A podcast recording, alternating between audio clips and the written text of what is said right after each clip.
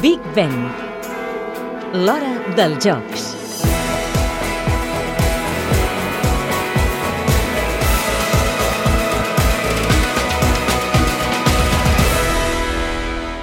Hey, Jacko, absolutely unbelievable, stunning, És Walter Gill. Parla per telèfon amb Jackson Gill, a qui tothom coneix com Jaco. Per què el felicita?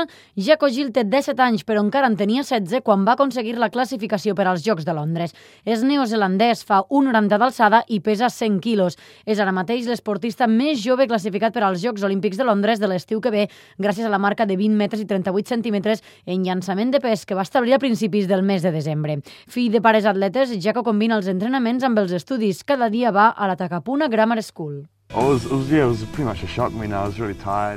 Em va sorprendre perquè estava cansat, no em sentia gaire bé, però em vaig recuperar i aconseguir un bon nivell per estar a la final, guanyar-la i classificar-la.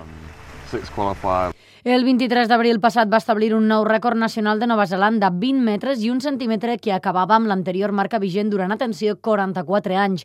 L'havia aconseguit Les Mills l'any 1967. La marca de Jaco suposava la classificació per al Mundial de degut de l'estiu passat, però la Federació Internacional no li va deixar participar perquè no tenia l'edat mínima. El seu pare, Walter Gill, exatleta, segueix la seva carrera de ben a prop. absolutely Absolutament increïble. Encara estic assumint-ho. No m'ho puc creure. Jo no tinc cap mèrit, només l'he ajudat a anar passant etapes. Ho ha fet tot sol. Al Mundial Júnior va llançar else. 19,28 He had a metres al tercer 19, llançament de la 28, classificació. Després va fer nul als that, dos primers. Tot i la seva joventut, Jaco ja ha aconseguit una plata en els Jocs de la Joventut de Singapur i dos títols mundials júniors. Amb el primer or a Moncton, Canadà, l'any 2010, es va convertir en el campió júnior més jove en la història de l'atletisme. L'anterior era Usain Bolt.